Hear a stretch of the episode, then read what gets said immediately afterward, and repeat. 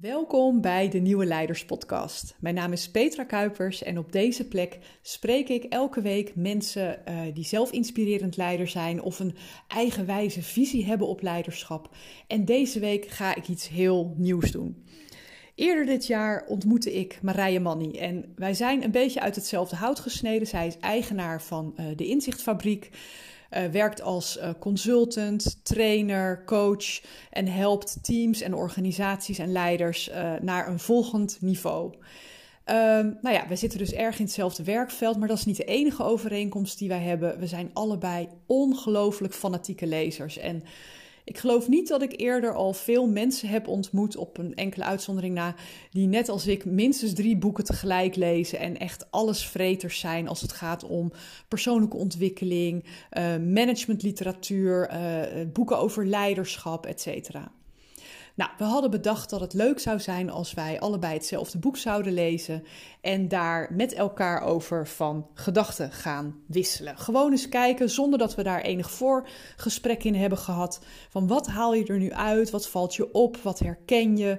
Dus niet het geëikte boekenclubjes verhaal, wat trouwens ook heel waardevol kan zijn hoor, maar echt wat doet dit boek met jou?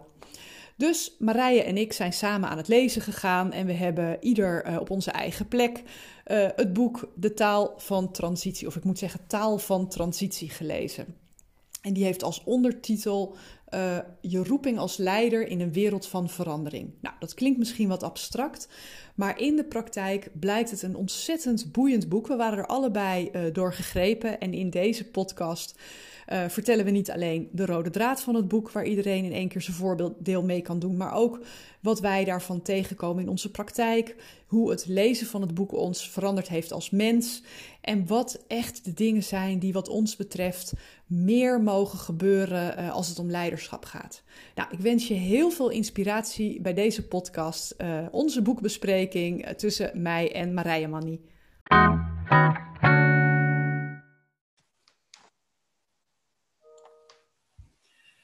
We gaan starten. Onze allereerste ja, boekbespreking, mogen we het zo noemen, vind jij?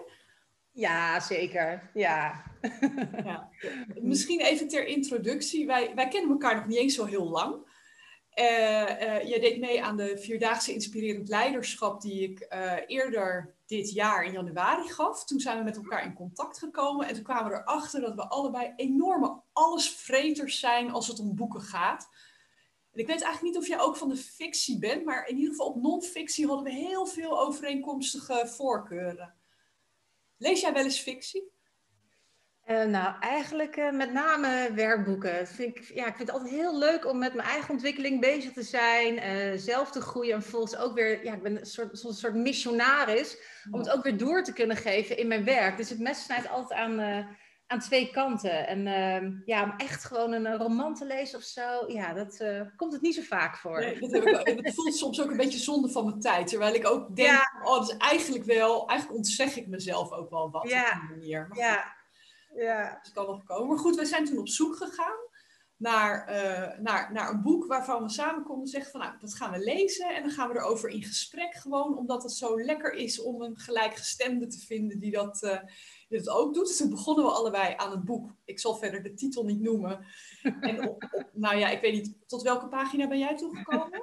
nou, pagina 20 of zo. En toen, uh, toen dacht ik al van, nou, is niet helemaal. En ik was maar heel voorzichtig naar jou. Ik zeg, goh, ben je al begonnen en hoe vind je het? En ik ging er echt totaal niet van aan. En uh, godzijdank zei hij toen ook van, uh, nou, het is voor mij ook niet echt dat ik ervan aanga. Dus was ik heel blij dat we een ander boek konden kiezen. En nou ja, het boek wat we nu hebben gekozen, daar gaan we wel allebei uh, enorm van aan. Ja. Ja, ja, absoluut. En dan uh, zo meteen even door van waarom we er zo op aangaan. Ja. Maar wat we allebei gelezen hebben. En ik was hem op dat moment, had ik hem net, net gekocht. Uh, Taal van Transitie. Dat is een boek van drie auteurs. Jaco, Jacob van Wieling, Riet Vierelaars Jaspers en Leo Wilhelm.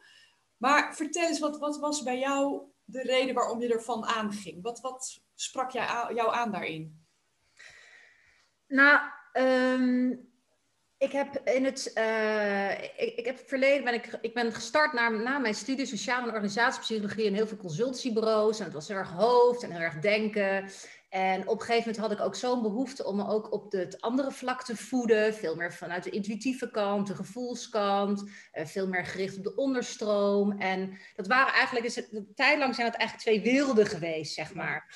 En uh, in, in, in, in de harde wereld wordt een andere taal gesproken dan in de nou ja, wat zachtere wereld, zeg maar. En uh, eigenlijk ben ik daarna ook bezig geweest om die twee steeds dichter bij elkaar te brengen. En wat ik zo mooi vind, is dat hij uh, hele waardevolle dingen over jou als mens, die je ook meeneemt in je werk, uh, dat hij daar ook ja, letterlijk eh, taal voor creëert. Dus um, heel veel dingen kwamen daar ook bij elkaar. Dat ik dacht, oh, dat zit allemaal in mijn hoofd, maar hier staat het zo mooi bij elkaar gebundeld en, en op papier. Dus die twee werelden worden zo mooi geïntegreerd. Ja, ja herkenbaar. Want wat, wat mij meteen aansprak, is dat heel erg in het begin van het boek begint het al over de secure basis. En laat ik zo meteen even stilstaan van wat dat precies is. Maar hoe de hechting die jij kent als kind en wat je hebt meegemaakt in je levensloop, hoe dat ook bepalend is voor hoe jij nu reageert. Of je nou formeel leidinggevende bent of, of gewoon als professional aan het werk bent. Je wordt nog steeds op allerlei ja, blauwe plekken gedrukt. En hoe veiliger je gehecht bent als kind, hoe makkelijker je ook in verbinding gaat met anderen. En voor mij is het woord verbinding, ja. dat, dat is iets, iets wat zoveel meer ruimte mag krijgen als je het hebt over leiderschap en met elkaar uh, dingen in beweging krijgen. Zeker, zeker. En uh, ik merk ook als ik kijk uh, naar mijn eigen uh, ontwikkeling, hoe cruciaal het is geweest dat ik bepaalde leidinggevenden op mijn pad zijn gekomen tijd geleden had ik een van de opdracht, ik het meer een soort, nou ja, soort challenge. En dan moest ik ook opschrijven van, joh, welke mensen hebben een belangrijke rol gespeeld in je leven? En als je dan kijkt, dat zijn dus echt die mensen die zo'n veilige basis voor mij zijn geweest. En uh, waardoor, daar, waardoor ik ook durfde en risico's durfde nemen. En daar spreekt, uh, spreekt zij natuurlijk ook over in het boek. waardoor je durft te gaan. En als, je, als ik wist dat er die bedding was, nou ja, dan kreeg ik vleugels en dan durfde ik me te ontwikkelen. En dus voor mij is het zo essentieel geweest in mijn ontwikkeling. En ik gun dat ook zoveel andere mensen. En hè, dus vooral die leiders te helpen. Hoe kun je die basis creëren voor anderen, zodat zij nog meer kunnen vliegen? Ja, want hoe zag voor jou die, die bedding daaruit dan? Kan je, kan je dat omschrijven? Wanneer voel jij je veilig genoeg om te durven uh, risico's te nemen, fouten te maken, dat soort dingen? Um, ja, dat is een goede vraag. Uh, het, zit, uh, ja, het zit volgens mij heel erg in dat je goed contact hebt, dat je je durft uit te spreken, dat je vragen durft te stellen, dat, je, dat, ik, dat ik fouten durf te maken. Uh, dus, en ja, waar, waardoor komt dat dan? Nou, daardoor, daardoor dat iemand me echt ziet, ehm, echt hoort, um, ja, dat ik er niet op word afgerekend. Uh, en ook ja, mij aanmoedigt van, joh, ga maar. En als het verkeerd gaat, is het niet erg. Dus um, ja, dat ik ook echt die, ja, op mijn bek mag gaan. Ja, ja. Dat is eigenlijk... Uh, er zijn maar weinig situaties waarin je niet echt op je bek mag gaan. En toch hoor je zo ja. vaak in organisaties als teams begeleid of wat dan ook. Nee, daar word ik op afgerekend. Ja en als ik dan doorvraag van, maar hoe ziet dat afrekenen er dan uit? Dan geef eens een voorbeeld, wat je bij anderen hebt gezien, dan is daar heel weinig concreets van. Dus hoe, hoe, maak jij dat mee in, jou, in de teams die jij begeleidt? Um, ja, ik denk in. Nou, ik zit even te denken of ik daar echt concreet voorbeelden van heb. Maar ik denk wat jij zegt, dat het mechanisme wel waar is. Dat er uiteindelijk helemaal niet echt heel veel consequenties zijn. En uh, mocht het echt niet meer werken, dan is het volgens mij voor beide partijen ook niet meer goed. Dan is het ook tijd om, om iets anders te zoeken waar jij in kan floreren en waar jij blij bent. Wow, ik had hem op stilgezet, maar uh, blijkbaar komt hij er doorheen. Excuus. um, en dan ben ik even van me apropos. Ja, dat het consequenties zijn. En als het niet meer vibe, dat je dan beter gewoon uh, allebei uh, ja, en dat je daar ook eerlijk over kan zijn. En dus ook daar moedige gesprekken voor uh, te voeren hebt. Een dialoog moet gaan van, joh, wat, wat, maakt het dat je hier dus blijkbaar niet uh, uit de verf komt? Hè? En ja. uh, ik denk dat, ja, maar echt, echte consequenties, die kom je niet, kom ik niet zo heel veel tegen. Wat is jouw ervaring daarmee?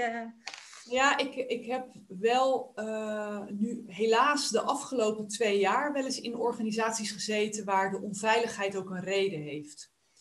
En um, tot dat moment dacht ik altijd van, ja, het is, het is iets taalkundigs. Hè? Mensen zeggen tegen elkaar van, ja, dan word je afgerekend. En dan ja. hangt dat als een soort spook, hangt dat uh, in zo'n organisatie, maar het gebeurt niet echt. En helaas heb ik nu de afgelopen twee jaar een aantal organisaties meegemaakt waar die onveiligheid wel echt zit. Ja. En hoe dat zich uit uh, is, even in mijn woorden, vaak een, een, een soort grilligheid in het leiderschap. Mhm. Met andere woorden, continu van mening veranderen, continu van mhm. energie veranderen. Dus de ene keer empathisch en begripvol en de andere keer opeens een hele duwende energie, zodat ja. het totaal Heel onvoorspelbaar.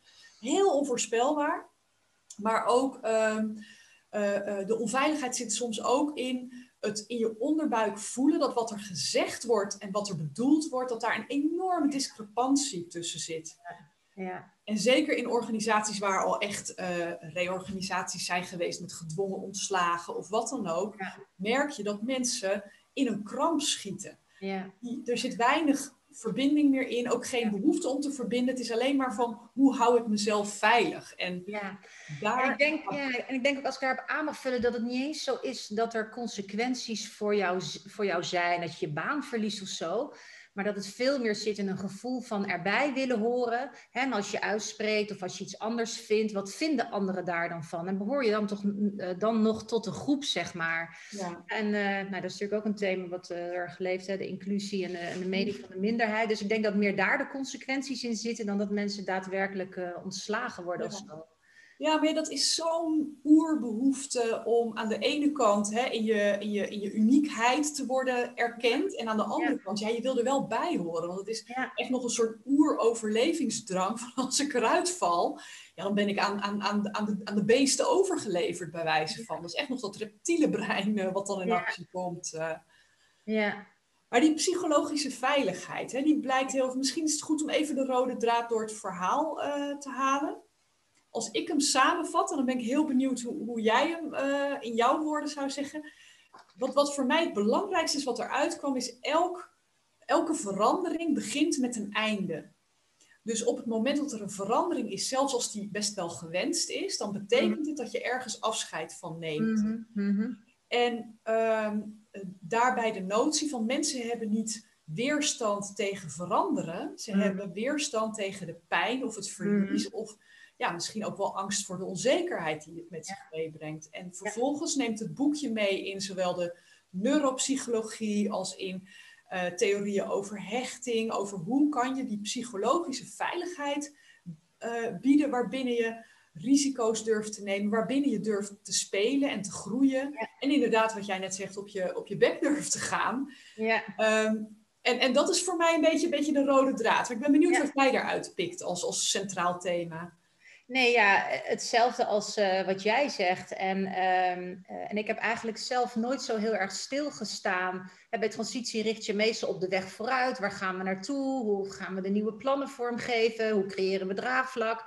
En dat vind ik ook echt wel, uh, nou ja, was iets nieuws voor mij, zeg maar, om veel meer stil te staan. Hij noemt het ook rouw, integratie, ja. verlies, afscheid. Ja, dat zijn eigenlijk niet zo echt bekende termen in organisatieland. Uh, maar om daar ook echt aandacht voor te hebben. Dat je eigenlijk pas doorgaat als je, uh, kan gaan als je het oude ook gewoon een plek hebt gegeven. En dat je daar ook uh, de waarde van hebt gezien en, en, en, afscheid van kan nemen om ook weer door te gaan op allerlei manieren. dus dat, dat vond ik wel een hele, hele mooie toevoeging aan nou ja, het repertoire wat ik al, al, al bij me draag. Ja. ja. Herkende je die rouw wel toen je hem las? Want misschien, ik had het woord rouw, vind ik ook vrij, vrij ja. Zwaar klinken. Mm -hmm, Maar herkende jij het toen je het las van, oh ja, dat is inderdaad wel iets waar, waar je tegenaan loopt? Uh.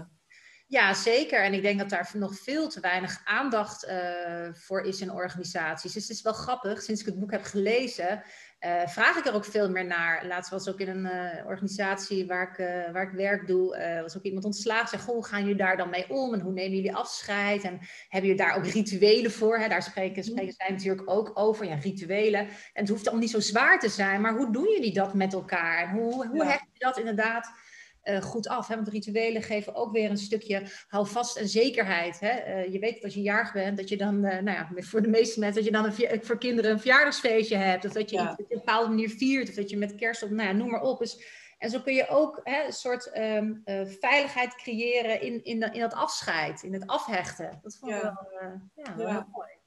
Nou ja, en, en hij op een gegeven moment, en ik denk, uh, want volgens mij is dat uh, Riet Fiedelaars als een van de auteurs, is het haar specialisme om verliesverwerking en dat soort dingen. Ja. Verliesverwerking. Ja. Wat ik een mooie quote vond over verwerking gesproken, was iets.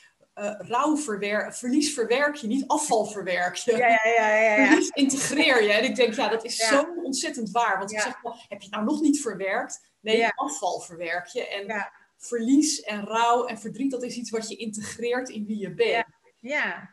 Maar ze maken ook echt wel een uitgebreid uitstapje naar hoe ga je nu om met pijn uh, die, die medewerkers kunnen hebben als er iets heel heftigs gebeurt in hun ja. omgeving. En er zitten een paar best aangrijpende verhalen ook wel in, die ook echt wel, wel, wel emotioneerden. Zeker, ja. En, um, waarbij je ziet en ook heel erg herkent uh, wat zij noemen de, de handelingsverlegenheid. Hoe ga je ja. daar nu mee om als jouw, ja. weet ik veel, uh, een medewerker een kind heeft verloren in de ja. H17-ramp bijvoorbeeld?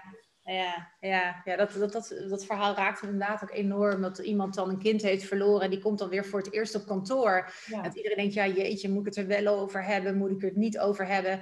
En hoe mooi het is als een leider daar dus een, ja, iets voor verzint of met elkaar iets verzint. Diegene ja. komt op kantoor, dat er ruimte voor wordt gemaakt en dat er ook wordt gesproken over nou ja, wat die persoon dan fijn vindt. Uh, ook in welke mate het je wel of niet over moet hebben. Maar je kunt er niet zomaar overheen stappen. Nee. Maar om nou, gewoon maar primair te gaan handelen is soms ook heel ongemakkelijk. Dus dat daar ja. wel iets voor ja, verzonnen wordt, iets met elkaar ook, om daar samen nou ja, ruimte voor te maken. Ook, ja. ook, ook, letterlijk ook voor, voor die rouw. En, ja. Uh, ja, dat vond ik wel echt. Uh, en ja, ik weet niet hoe, hoe ver organisaties daarin zijn van dat soort dingen. waren wel echt hele mooie voorbeelden. Nou ik vraag me wel eens af hè, of onze uh, Nederlandse cultuur niet een beetje is doorgeschoten in het doe maar normaal, dan doe je al gek ja. genoeg. Want ja. we zijn mensen van rituelen, weet je wel. We, ja. we, zijn gewoon evolutionair gezien, zijn we verhalenvertellers, betekenisgevers. En we, we, zijn daar een beetje van afgedreven. Of misschien wel iets te ver van afgedreven. Ja, en ik denk ook wel dat het gaat om um, welke relatie heb je zelf met je werk. Om je op je werk, om je brood te verdienen. En denk je, ja, heel vervelend voor die collega, maar ik ga gewoon door, om het zo te zeggen. Of uh, in hoeverre kom je met je hele hebben en houden uh, op je werk. Met uh, nou ja, alles wat er is en mag het er zijn, is daar ruimte voor. Dus ik denk ook wel dat er verschil is in de behoeften van mensen daarin. Om, ja, hoe er zou een deel ook niet zitten, nou ja, laat ik het bij mezelf houden. Maar als ik geconfronteerd word met iemand die heel veel verdriet heeft, dan is dat voor mij weer een spiegel van waar ik ergens verdriet heb. Dus daar word ik ook door geraakt. Ja. En dan is het makkelijker om uh, nou ja, bijna je capuchon op te zetten en in een hoekje te gaan zitten typen, dan dat je ook jezelf laat raken door het verdriet van de mm. ander. Ik vraag me af of dat er ook ja. mee te maken heeft. Ja, en ik denk bij de een, um, die kan dat ook makkelijker toelaten of mee resoneren op die ander. Of dat het eerder binnenkomt en de ander zet daar misschien een dikke muur tussen. En die denkt inderdaad, nou, en voor iedereen is dat denk ik anders, wat makkelijker of moeilijker is. Ik ben iemand die best gevoelig is en ik zal het opmerken, ik zal het zelfs ook voelen in mijn lijf. Ja. Uh, en om dan in een hoek te zitten met mijn capuchon over mijn hoofd, het zou mij niet lukken. Nee. dus uh, hangt ook wel. Nee, zou, zou je het benoemen? Nou ja, meestal wel. Meestal of een vraag te stellen daarover of wat het inderdaad met me doet. Ja, nee, zeker. Ik, ik denk dat dat als die ander dat niet wil, is het weer aan die ander om daar iets van te zeggen. Van joh, ja. um, ik uh, wil deze vraag niet beantwoorden. Ja. Uh, maar voorkom dat je voor een ander gaat denken. En dat je denkt, nou die ander vindt het vast vervelend als. Nou vaak is dat gewoon je eigen, uh, eigen gedachten die je dan meeneemt. Ja. En dat is dan weer de verantwoordelijkheid van die ander om daar mee om te gaan. Ja, en ik, ik vond daar in, in principe ook het, het, het ja, wat zij aangaf. Van je kan iemand vragen van wil je dat we er naar vragen, wil je met ja. rust gelaten worden en dat ook af en toe opnieuw checken. Want in het ja. begin ja. denk je misschien van nee, laat mij maar even met rust. Ik wil er liever niet over praten, maar na een tijdje kan dat ook veranderen. En dat gewoon met elkaar checken. Het is zo simpel, maar je denkt er niet snel aan. Ja, maar ja, in, in de drukte, in de vaart, in de veranderingen waar mensen in zitten, uh, wordt er vaak toch als een van de eerste dingen bespaard om, om die dialoog aan te gaan met elkaar, het contact op te zoeken. Ehm, gewoon maar, nou ja, ook als je veel stress hebt, je, je blik vernauwt, uh, je gaat steeds meer op je eigen postzegel zitten, doorrennen om je eigen doelen te bereiken. Dus dan is er ook minder ruimte uh, daarvoor. Dus juist af en toe even te vertragen, dit soort mooie gesprekken met elkaar aan te gaan, opnieuw te kijken wat de behoefte is van de ander. Ja, dat zou zoveel toevoegen als uh, mensen dat meer zouden doen. Ja, en, en dan die rode draad van die secure base, hè, waar het over gaat, is eigenlijk dat je een soort bron wordt uh, waar mensen op durven te vertrouwen. Ze voelen zich veilig, uh, ze voelen zich gezien. Uh, ja. je, je, inspireert, je moedigt aan. Ja. En, en wat, wat ik daar een heel herkenbaar voorbeeld in vond, is dat als mensen een onveilige jeugd hebben gehad, dus geen secure base in hun jeugd hebben gehad, dat er nog wel eens de neiging kan zijn om dat ja, te projecteren op een leidinggevende. Om die ja. of als een surrogaat ouder te gaan beschouwen, of, of juist de boosheid uh, tegen je eigen ouders daar heel erg op te, uh, op te projecteren. Hoe ga jij om met je, uh, de teamtrainingen die je doet om daar een secure base van te maken, van die omgeving? Hoe, hoe pak jij dat aan?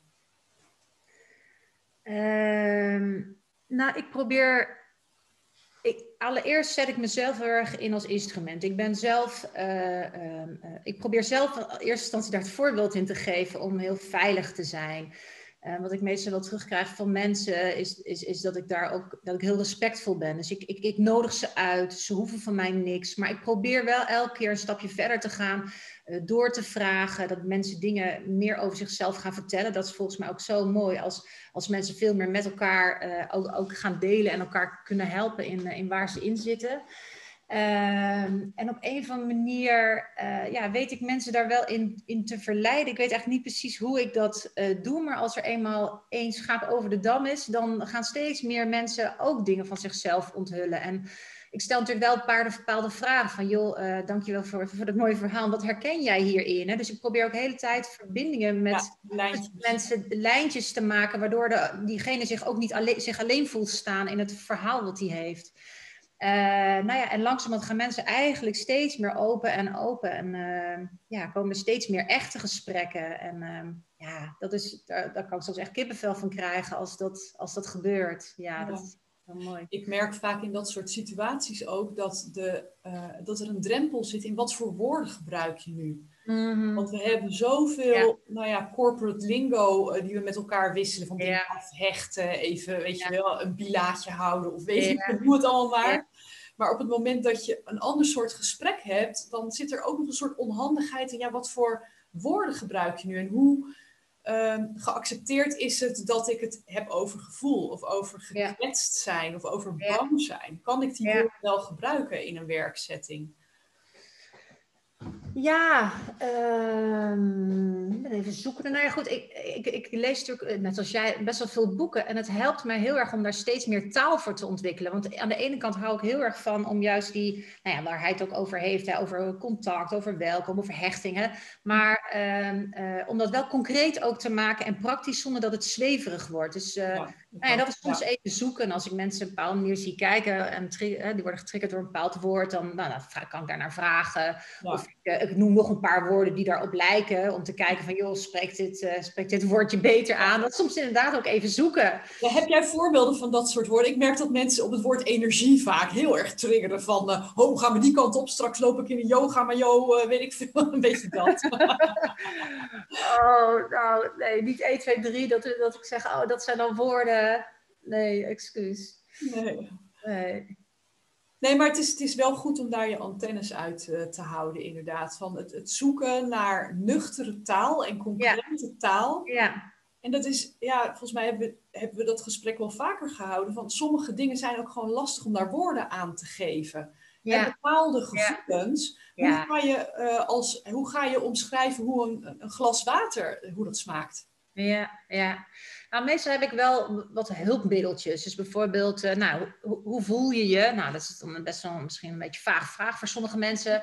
Maar dan heb ik een, uh, een vierkant met allemaal gevoelens erin. Dan kunnen ja. mensen een beetje kiezen. Hè. Zit je hoog in energie of zit je laag in je, in je energie? Nou, dat zijn dan bepaalde assen die daarin zitten. En dan kunnen mensen een beetje zo kiezen. Dus soms moet je ze ook gewoon even ja, helpen om, um, nou ja, om taal aanreiken waaruit ze kunnen kiezen. Omdat ze daar gewoon nog geen vocabulaire voor ja. hebben.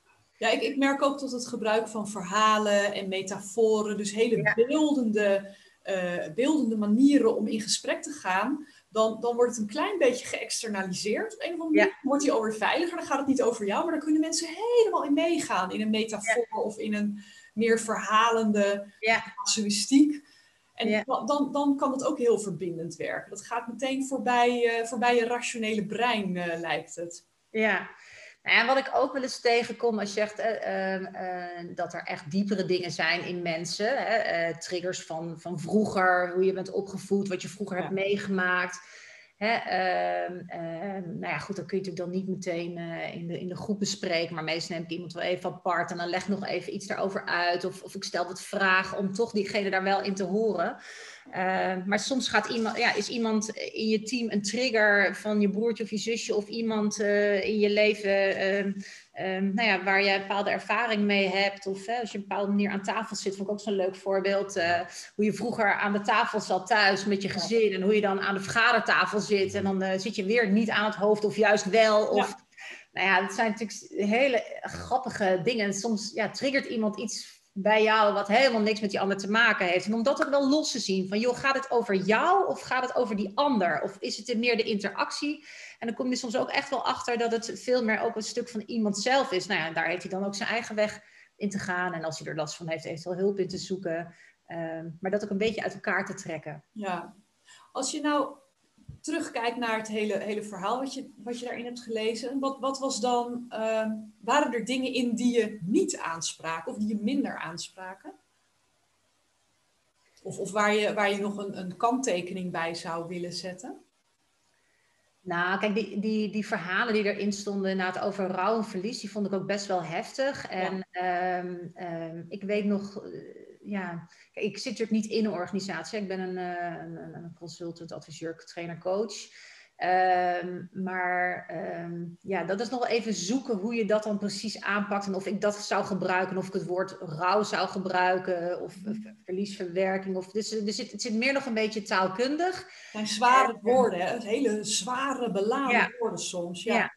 Ja, en ik ben toch ook meer van de, van de luchtigheid. Dus het gedachtegoed daarover vind ik zeker heel mooi. Alleen hoe, hoe, als ik het. Um, ik zou het nog wat luchtiger willen maken, inderdaad. Ik vind ja. het ook zo. Uh, heftige kost. En net zoals de, de hechting van, uh, van vroeger.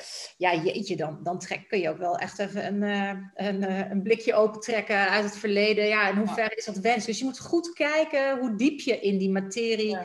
Gaat. En in welke mate um, dat het team gaat helpen om verder te komen. Dat is voor mij eigenlijk altijd het belangrijkste. Van wat helpt dit team? En ja. Nou ja, soms is er misschien heel veel gedoe. En dat he heeft te maken met je hechting. Maar tot hoe ver ga je daarin? Ja. Dat is wel een vraag die ik heb. En hoe, ja, ik, ik vind hem zelf inderdaad, ja, ik vind hem meer op mezelf, hè, om mijn eigen leiderschap meer te ontwikkelen, ja. dat ik met die vragen goed uit de voeten kan. Ja. Omdat ik me heel vrij zou voelen om een team waar ik niet een langere tijd meeloop, maar alleen ja. bijvoorbeeld een, een, een traject mee, uh, mee aanga, om zo diep te gaan. Ja.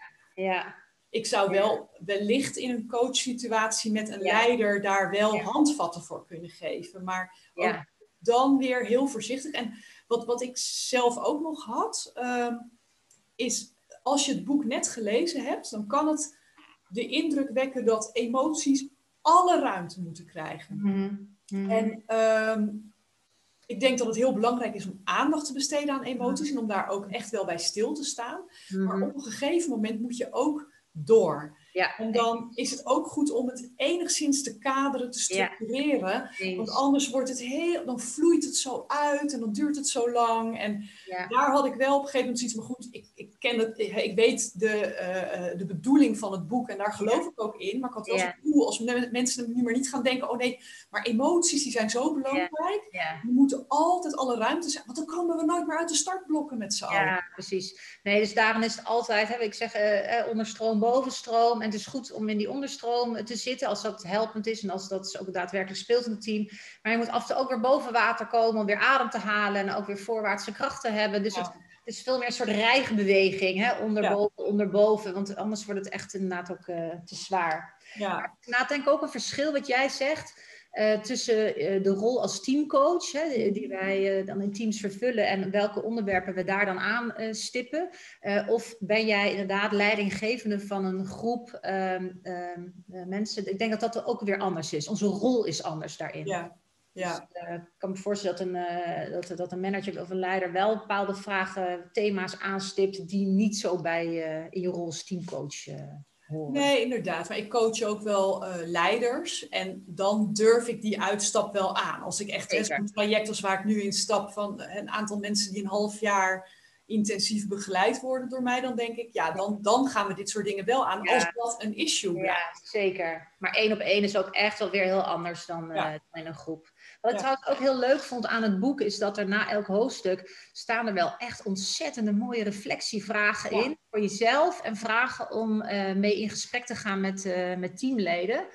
En uh, ja, die, dat vond ik echt wel heel mooi. Om, uh... Had jij een specifieke die, er, die eruit sprong voor je? Ik heb zelf niet zo 1, 2, 3 een voorbeeld. Misschien jij ook niet hoor. Ik wil je niet het mes op de keel zetten. Maar... Nou, even kijken. Uh, ja, jeetje, de, de, niet zomaar één. Het zijn ook zo, zoveel vragen, maar wel, het, het, het stimuleert wel om met elkaar echt op een dieper niveau uh, in gesprek te gaan. En elkaar echt uit te nodigen.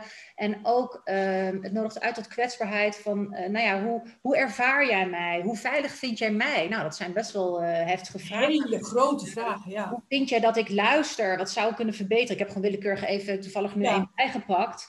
Uh, uh, welke er, verbinding ervaar je met mij en hoe zou je die graag willen zien? Nou, ga maar eens in gesprek over dit soort vragen. Dus ik, ze, ze nodigen wel enorm uit om het achterste van je tong te laten zien. En ik geloof er wel echt enorm in dat als je dit soort gesprekken met elkaar kan voeren en echt ook open staat voor het antwoord, dat je zo waanzinnig kan groeien als team. Als, als dit er allemaal mag zijn. Ja, dat ja. is echt. Uh, ja, ja, en misschien zit het voor de helft in het stellen van dit soort vragen en uh, voor de andere helft in het kunnen verdragen van de antwoorden die daarop ja, komen. Zeker.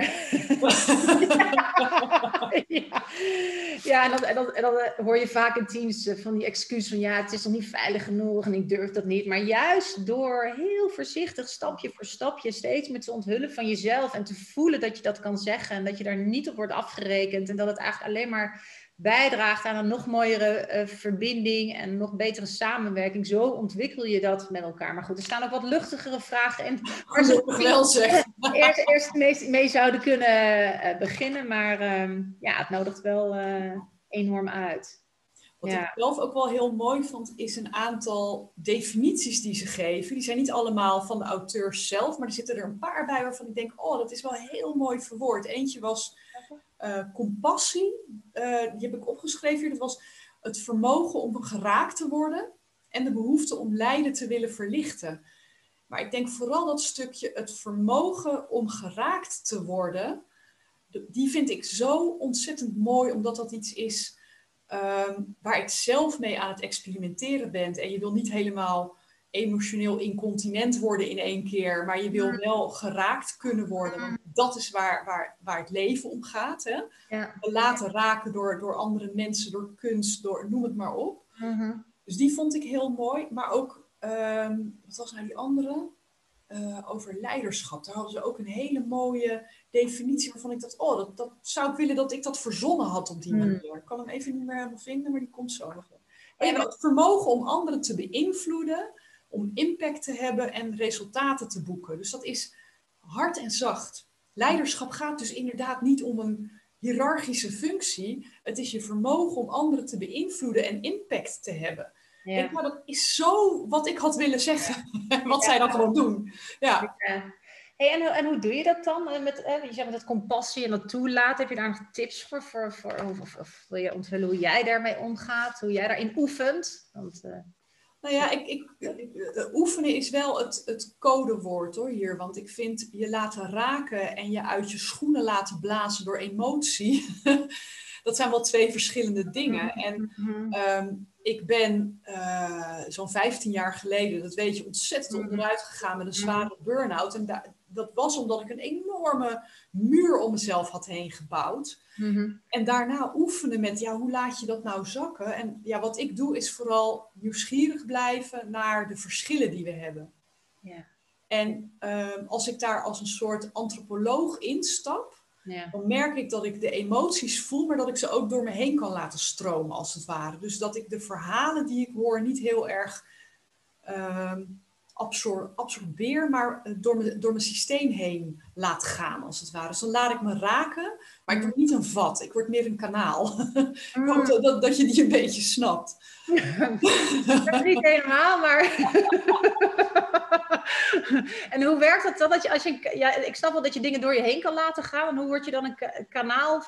Je, ja, kun je dat nog eh, toelichten? Ehm, normaal gesproken, als je een emotie voelt en je, je wil er niet helemaal aan, dan ga je hem wegdrukken. Dan leg je Ja. hem onder een deksel. En op Ja. dat moment stolt hij op Ja. een of andere manier, ergens in je systeem. En dat Mm. stapelt zich op en dat klit zich allemaal aan Mm. elkaar. En op het moment dat er dan ergens een trigger is, dan Ploep.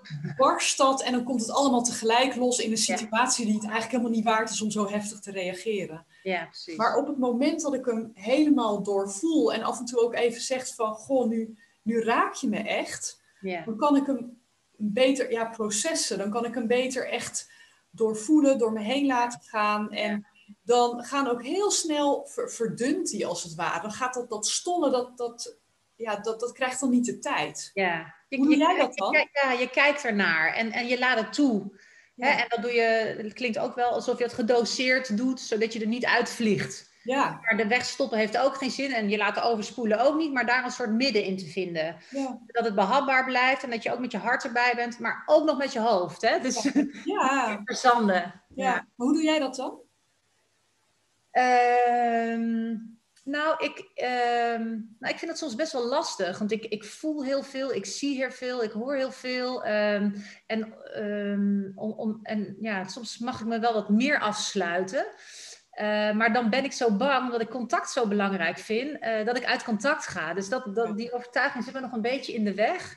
Eh, ik laat me liever te veel raken en ik, ik, ik schaam me daar ook niet voor. Ik, laatst was ik ook met iemand in een coachingsgesprek en die vertelde iets. En toen heb ik ook gewoon even ge- een, een traan gelaten. Ik was zo gewoon met die ander en kon zo meevoelen. En dat, Ja. dus ik, ik schrik daar ook niet van, dat mag er ook zijn. Ja, Ehm, ja, dus eigenlijk ja, het ook gewoon toelaten en het accepteren dat ik ook geraakt word. En dat dat dus ehm, vroeger eh, was, eh, nou, vond ik dat dan nog zwak en huilen en zo. En nu denk ik, oh, het is gewoon zo mooi als je je hart open kunt zetten en met die ander kunt zijn. Dus ik heb er ook wel echt hele andere uh, gedachten over ja, dat is het vaak. Hè? Ja. Ja. En daar, ja, en daar gaat hij trouwens ook wel in, zijn, in, in het boek eh, veel over. hè, hoe je omgaat eh, met stress. En hoe je niet een speelbal kan zijn van het emotionele weer van je omgeving. Maar dat je Ja. echt veel meer vanuit een soort, nou ja, je, je- je eigen sterk innerlijk kompas kan handelen. En, en vanuit daaruit ook kan reageren. Dus hoe je daar ook eigenlijk ja, krachtiger en steviger in wordt. ja. Ook wel eh, mooi hoe je dat beschrijft. Ja. Nou ja, en, het is, ik denk dat het heel veel waarde toevoegt als je met elkaar door iets emotioneels heen kan gaan. Dat is wat je ook heel sterk terugleest in dat boek. Ja, Hele ingrijpende gebeurtenissen van een collega die heel ziek is en die eh, weet dat ze zal gaan sterven en daar met elkaar een ritueel voor hebben en daar ook echt bij stilstaan. Of ja, een soort eindfeest voor een grote reorganisatie. Daar had ik zelf nog wel zoiets van.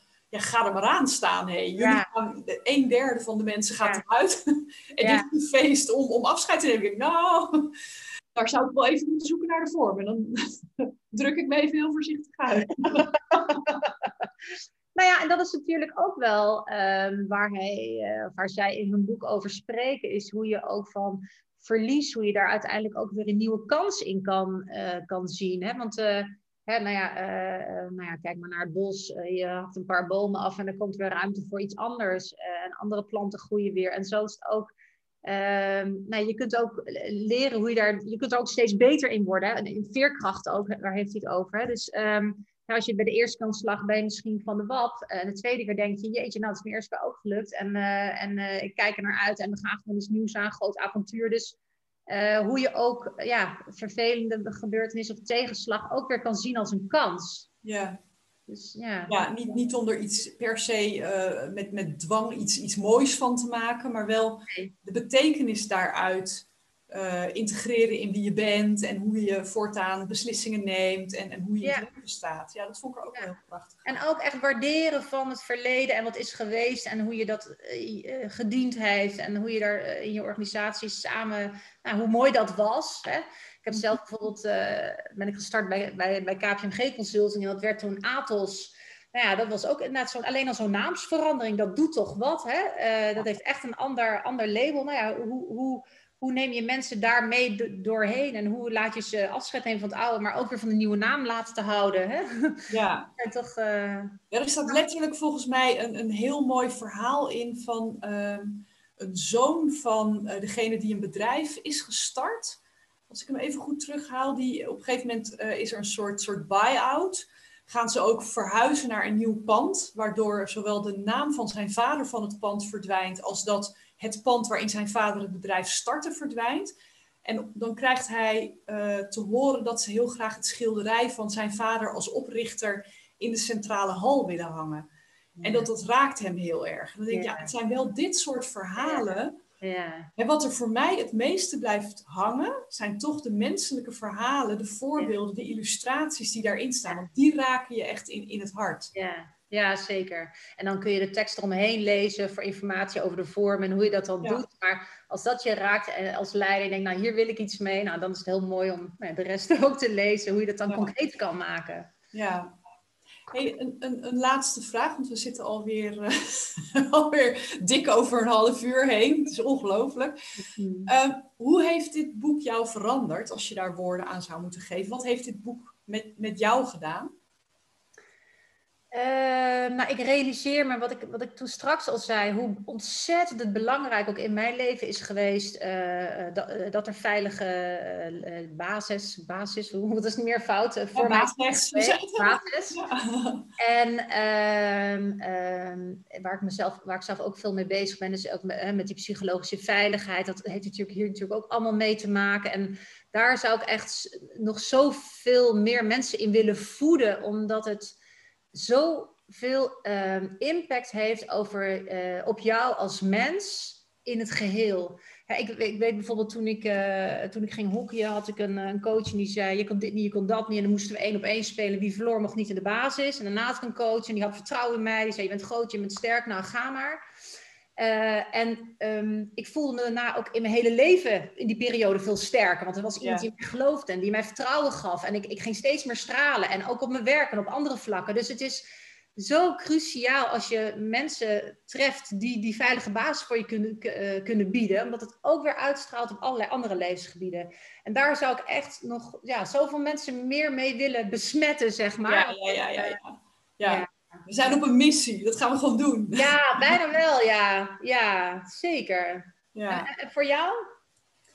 Um, het, het voeren van het moeilijke persoonlijke gesprek, dat zit er echt nog meer in. Ja. Ik, ik, net als jij voel ik veel dingen aan. Ik voel ook als dingen niet worden gezegd. Ja. En um, ik kies er nog te vaak voor om uh, het er dan bij te laten. Niet altijd. Het ligt een beetje aan, aan de intensiteit van de samenwerking en dat soort dingen. En ik denk eigenlijk het effect van wat je kan hebben door een, een empathische vraag te stellen, hè, dat, dat, dat heeft zo'n enorme kracht. Hmm. Dat ik vaker zal kiezen om het wel te doen, waar ik nu nog uh, af en toe voor de makkelijke weg kies. Dus in die zin uh, heeft het me nu al veranderd, want ik heb dat al kunnen doen in de afgelopen dagen. Dus, uh, het is zo grappig. Als ik, laatst had ik ook een, een coachie en daar hou ik ook op met praten. Maar dat, die ging, dat ging ook heel erg over van, hè, zeg je wel iets, stap je in of deins je terug? En ja. nou ja, toen heb ik een paar matten op de vloer gelegd en heb ik haar die beweging laten maken. En uiteindelijk kwamen we erachter dat als je dus terugdeinst, hoe onveilig en hoe spannend dat is. Omdat je helemaal, ja, je weet helemaal niet waar het dan heen gaat en je geeft eigenlijk een stuk van jezelf weg. En hoeveel krachtiger en sterker zij voelde als ze dus instapte. En ja. zij waar zij voor stond en wat zij wilde en wat haar behoeftes waren. En dat, dat, nou ja, dat is, dus, dus het, het is een soort schijnveiligheid die mensen uh, uh, ja, nemen van als ik niks zeg, dan is het veiliger. Maar eigenlijk ben je veel sterker en steviger als je trouw blijft aan jezelf en wel instapt. Ja. Dus dat zou ik nog mee willen geven. Ja, nee, er, er, zit, en, en dan ga ik stoppen. er zit ook nog wel een aspect aan dat je vaak wel voelt dat het er is. Dus iedereen weet het op een ja. bewust niveau, maar niemand heeft tot dat moment uh, het lef of de, de, de moeite genomen om het in het licht te zetten en het te benoemen. En daardoor is het er net zo goed en net zo groot en misschien nog wel schadelijker of krachtiger of, of meer uh, ontwrichtend dan wanneer je het erover hebt met elkaar. Dus je kan het spook ook uh, laten verdwijnen door het te benoemen. Ja, ik, uh, Stef Bos heeft daar ook een heel mooi, mooi liedje over. En dat is um, een deel daarvan. De onderstroom die niemand ziet, bepaalt de richting op elk gebied. Mooi, ja. Die vind ik ook zo mooi. Zo, ja, zo waar. Ja. Daar gaan we hem bij laten. Ik, ik wil heel graag nog een boek met je lezen. Ja, leuk, leuk. Ja. Ik zal eens even buiten de uitzending bedenken wat de volgende mag worden. Nou, mag, ik, uh, mag ik je bedanken? Want het is heel fijn om zo inderdaad even zo'n boek in het licht te zetten. En ook je eigen gedachten weer te scherpen met elkaar.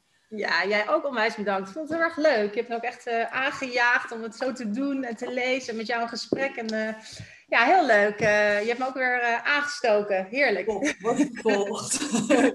Doei, doei. Dag.